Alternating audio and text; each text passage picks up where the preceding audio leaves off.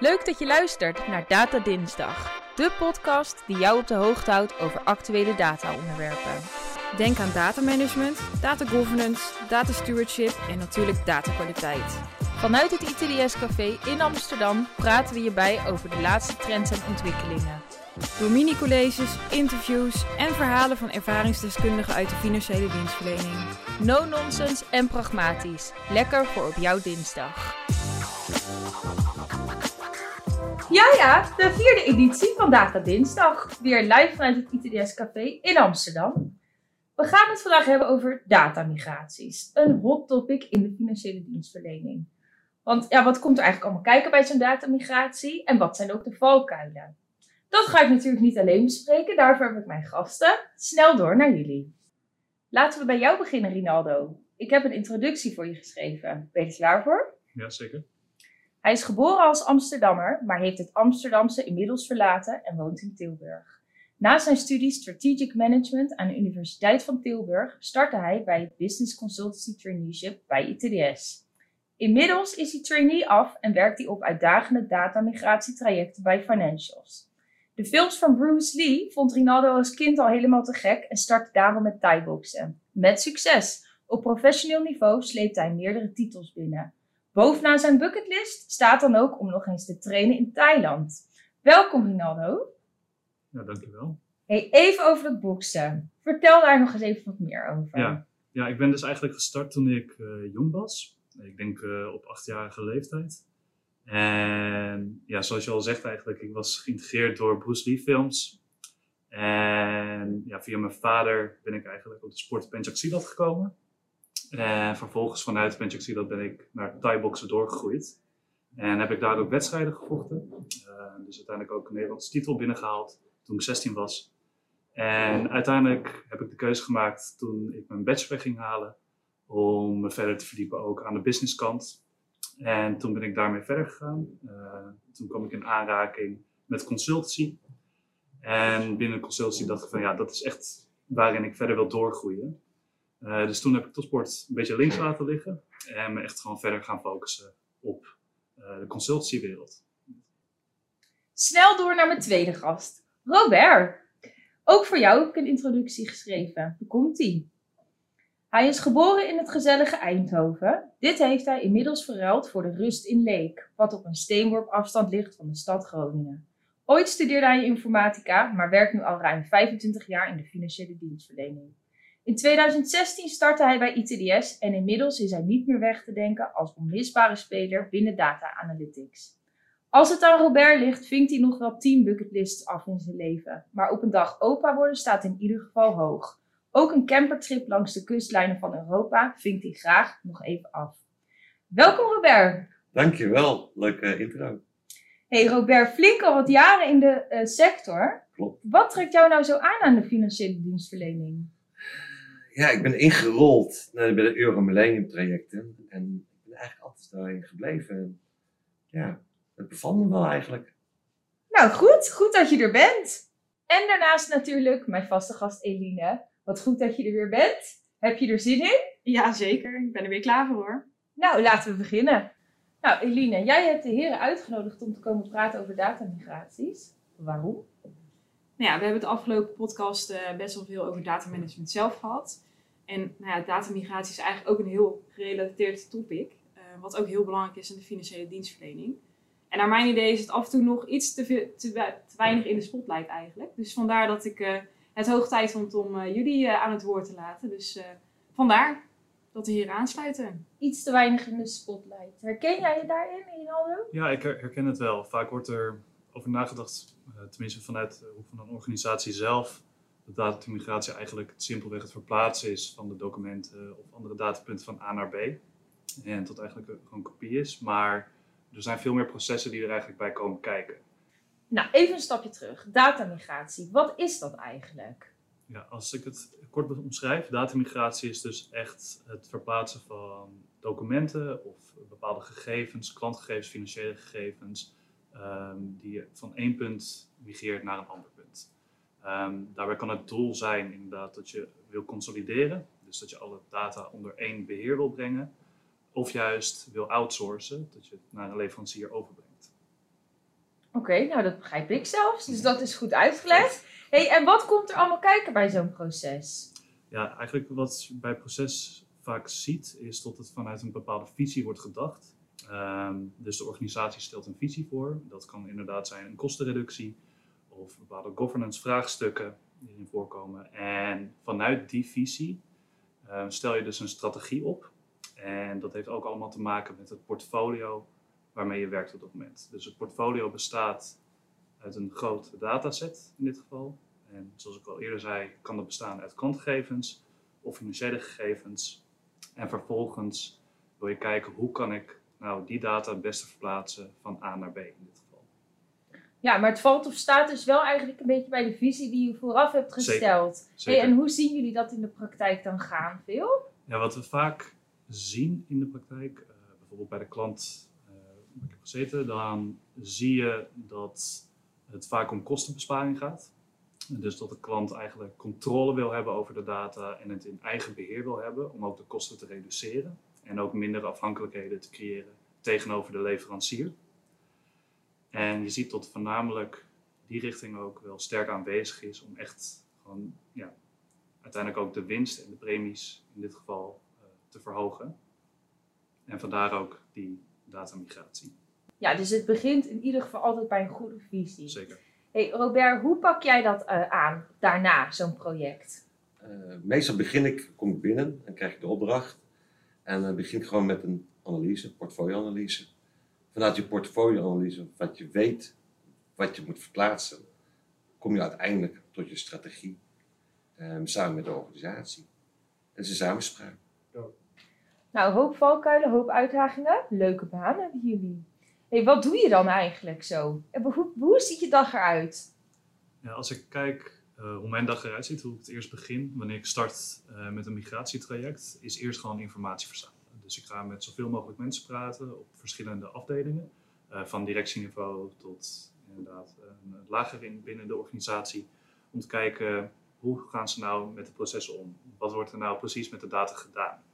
Uh, waar hebben ze de data voor nodig in dit geval? Gaat het bijvoorbeeld om actieve data of inactieve data?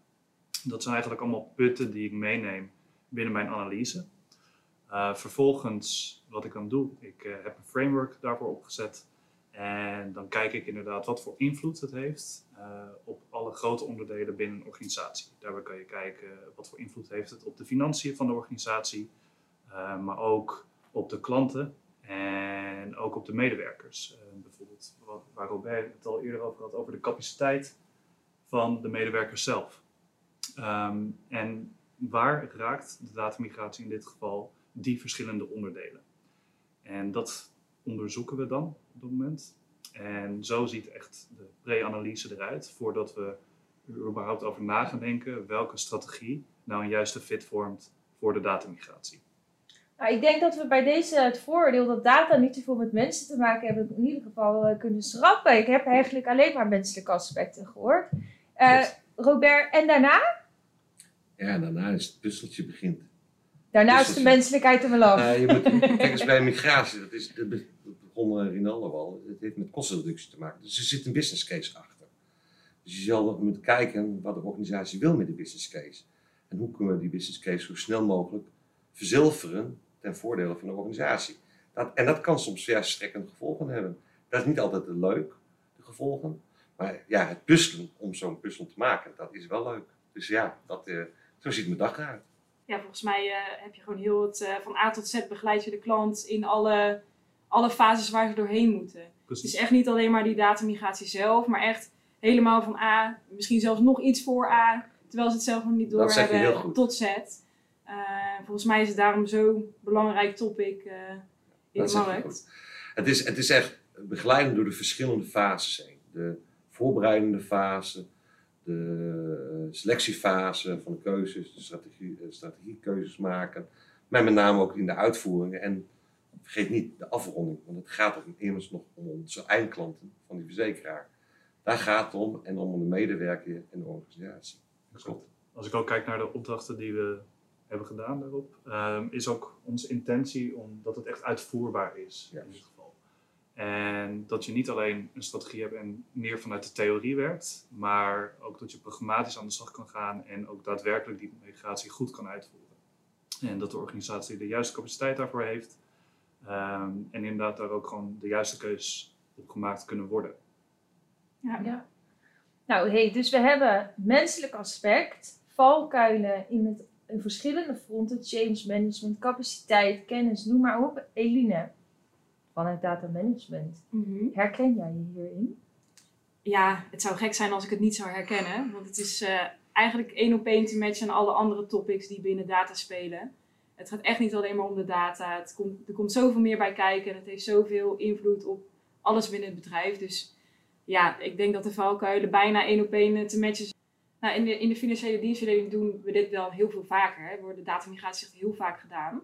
Hè, je zegt het begint en staat eigenlijk met de strategie. Ja. Wat voor soort zijn het eigenlijk de valkuilen die jullie zien waar klanten mee te maken krijgen? Ja, wat je vaak ziet is dat eh, de details, de devil is in de details in dit geval. Ehm, dus juist die details, waar Robert ook al eerder zei in de portfolioanalyse, eh dat je echt gewoon onderzoekt eh, welke aspecten nou worden meegenomen. Worden bijvoorbeeld klanten geraakt en op welke niveaus wordt de organisatie eigenlijk geraakt wanneer je een datamigratie onderneemt. Ehm, en je ziet daarin ook valkuilen inderdaad, tot er ehm, in dit geval makkelijk over gedacht wordt, tot het eigenlijk data verplaatsen is van A naar B. En zonder die aspecten ook te belichten. En dat je in de uiteindelijke uitrol, wanneer je de migratie ook implementeert, dat daar ook issues naar voren komen eh, die de organisatie eerst niet onderzocht heeft. En daarvoor als wij met een opdracht aan de slag gaan, gaan we direct eerst op de inhoud kijken van waar liggen nou knelpunten voor de organisatie en hoe kunnen we dat meenemen binnen ons strategisch advies. Vinden ze niet altijd even leuk, denk ik. Hè? Als je denkt van, nou, we hebben een plan gemaakt en nu gaan we dat uitvoeren. En dan kom je er eigenlijk achter dat je helemaal je plan nog niet eh, goed hebt bedacht. Het kan heel confronterend zijn. Hoe ga je daarmee om? Nou ja, als, we, als ik binnenkom ergens, dan kijk ik altijd naar de vitaliteit van het change management. Is die organisatie fit om zo'n migratie te doen? Is de capaciteit- IT-capaciteit beschikbaar? Is de businesskennis beschikbaar? Maar belangrijker ook, is eigenaarschap eh, beschikbaar? En stakeholders management en ownership. Als die dan niet aanwezig zijn, dan zal je nooit een fit krijgen. Als ik jullie zo hoor, zijn er ontelbare schakels eigenlijk binnen zo'n proces die uitermate goed op elkaar moeten afgestemd zijn, omdat er anders gewoon heel snel errors komen. Hoe controleer je dit? Eh, ja, dat is een leuke. Ehm, een aspect, controle, audit, eh, interne audit, externe audit. eh, die een goedkeuring geeft van migratie is heel belangrijk. Want dat zijn eigenlijk aspecten die al in de voorbereiding afgesproken moeten worden. Want vaak vergeet men dat. Dat men eerst wat afspreekt, dan het uitvoert en dan het eh, bewijsmateriaal levert aan de auditors in, of extern. Sommige portefeuilles zijn zelfs extern verplicht om te auditen. En als je daar te laat achter komt, ja, dan ben je ook al te laat om dingen te verzamelen. Ik snap het niet. Dus maak je, bedenk je je eigen controlemechanisme Nee. over je eigen project? Nee, nee, nee. Oké, nee. ik wel Voor, lekker. voor, voor, voor zulke trajecten zijn er afspraken eh, aan welke eisen je moet voldoen. Ik bedoel, het aantal relaties overbrengen van A naar B is niet alleen maar een simpele telling van het aantal relaties die je overgebracht hebt. Dat, dan kan je voorstellen dat je een, eh, een eh, afspraak maakt van we gaan een, een bepaalde controle toevoegen om zeker te weten dat het dezelfde relaties zijn. En zo geldt ook voor eh elfproefs met bankrekeningnummers, wat eh, heel normaal is in deze wereld. Eh, of het aantal documenten. hoe, hoe, weet je zeker dat je al compleet bent met het aantal documenten? Maar je hebt net die analyse gedaan volgens mij. Ja. ja, je ziet exact dat punt ook. Bijvoorbeeld als je over bankrekeningnummers gaat praten, dat moet gewoon exact worden overgezet. Wanneer je dat niet hebt, dan raak je direct de klant, komen er mogelijk klachten tevoorschijn en dat heeft gewoon weer invloed op je organisatie. En juist vandaag de dag zijn die controles ook een stuk strenger geworden. En daar moet je ook gewoon op inspelen tijdens een datamigratie. Ja, en we hebben dus ook tegenwoordig ook met GDPR te maken, dus eh, AGV. eh, dus wij moeten ook aan bepaalde eisen voldoen. Als je met externe eh, partijen werkt, moet je al voor, af, goede afspraken in het contract vastgelegd hebben. En dat is wel aspecten waar je mee moet nemen in zo'n traject. En dan wordt er ook onderschat. Of komt men te laat achter. Komen we weer terug bij die onderschatting. onderschatting en positivisme. Dat is een lekkere combi wel. Ik Ja. hou er van. Nou, daar moeten bedrijven wat mee. Dat is duidelijk. Ja. Hey, en als we dan even fast forward over vijf jaar. Hoe doen financiële dienstverleners het dan rondom datamigraties? Ja, ik denk dat datamigraties aan zich ook gewoon een veel belangrijker punt gaan worden op de agenda voor financiële instellingen. Eh, met name ook door de wet en regelgeving die erbij komt kijken, maar ook ehm, dat ze de data meer in eigen beheer willen hebben. Dus meer controle erop. Eh, je ziet ook dat de markt best wel schommelt op dit moment. En juist wanneer het sterker gaat schommelen en er meer onzekerheid ontstaat, wil je juist ook meer controle gaan uitoefenen. En ik denk daardoor dat datamigraties ook een veel belangrijker aspect zullen gaan worden. Ja, en het, het blijft, en dat was 25 jaar geleden ook, het blijft een race naar de laagste kosten. Dus wij gaan nu steeds meer naar de cloud. Hè. Dat heeft Microsoft in het verleden gezegd. hè, En Gartner gaan meer naar de cloud toe. Het zien eigenlijk in de praktijk al. En we gaan kostenreductie krijgen. En dat gaat steeds groter en groter worden. Dus waar ik 25 jaar geleden ook dacht van ja, dat doe je maar één keer. Ik heb al situaties gehad dat ik sommige portefeuilles al drie keer mijn handen gehad heb. Eh, puur alleen maar omdat de, nieuwe directie heeft gezegd, nog goedkoper, nog goedkoper. Ja, dus dat, het blijft een ongoing proces. En denk jij, Eline, dat we nog steeds met dezelfde valkuilen te dealen hebben over vijf jaar? Nou, ik hoop dat we er eh, een aantal hebben weggenomen. Ehm, ik denk dat we moeten blijven focussen op dat er eh, meer bij komt kijken dan de datamigratie aan zich. Eh, en dat we oog blijven houden voor alles wat erbij komt kijken. Ik denk dat dat wel echt de belangrijkste boodschap blijft, ook over vijf jaar.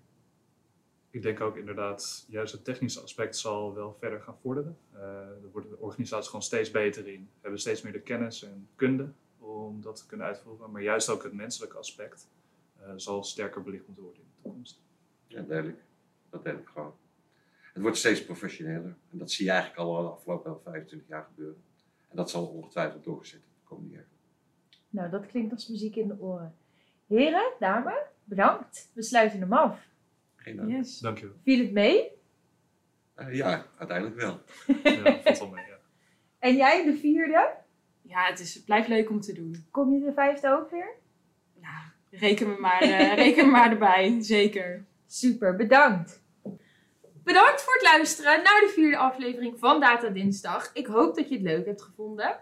Heb jij nu een vraag voor Rinaldo of Robert of Eline die we niet hebben behandeld? Stuur hem dan vooral even in naar podcast.itds.nl en dan komen we zo snel mogelijk bij je terug. Tot de volgende!